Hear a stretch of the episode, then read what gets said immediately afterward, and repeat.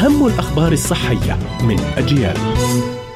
أظهرت الأبحاث أن أفضل طريقة لتجفيف الشعر المبلل هي الهواء وينصح الخبراء بعدم تجفيف الشعر بالحرارة إلا عند الضرورة لأنه يسبب تلفا شديدا للشعر ويسبب استخدام الحرارة بشكل منتظم إلى إتلاف فروة الرأس وخيوط الشعر كما ينصح بتجفيف الشعر بالمنشفة أو في الهواء لتقليل تلفه كما أنه لا يجوز تمشيط الشعر المبلل بل الانتظار حتى يجف. أظهرت الأبحاث أن الأشخاص الذين يستيقظون مبكرا يميلون إلى انخفاض مستويات التوتر والقلق.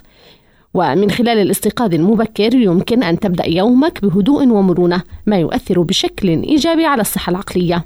كما أن الاستيقاظ المبكر يتطلب الانضباط وضبط النفس ويمكن أن تؤدي هذه العادة إلى تحسين مهارات إدارة الوقت والقدرة على تحديد أولويات المهام الضرورية.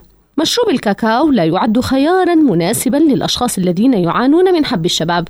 إذ تحتوي الشوكولاتة على الحليب والسكر وهما مكونان يمكن أن يؤديا إلى تفاقم حب الشباب والتسبب في استجابة مناعية للكائنات الحية الدقيقة التي تسببه. كانت هذه أهم الأخبار الصحية. قرأتها روزانا طه. إلى اللقاء.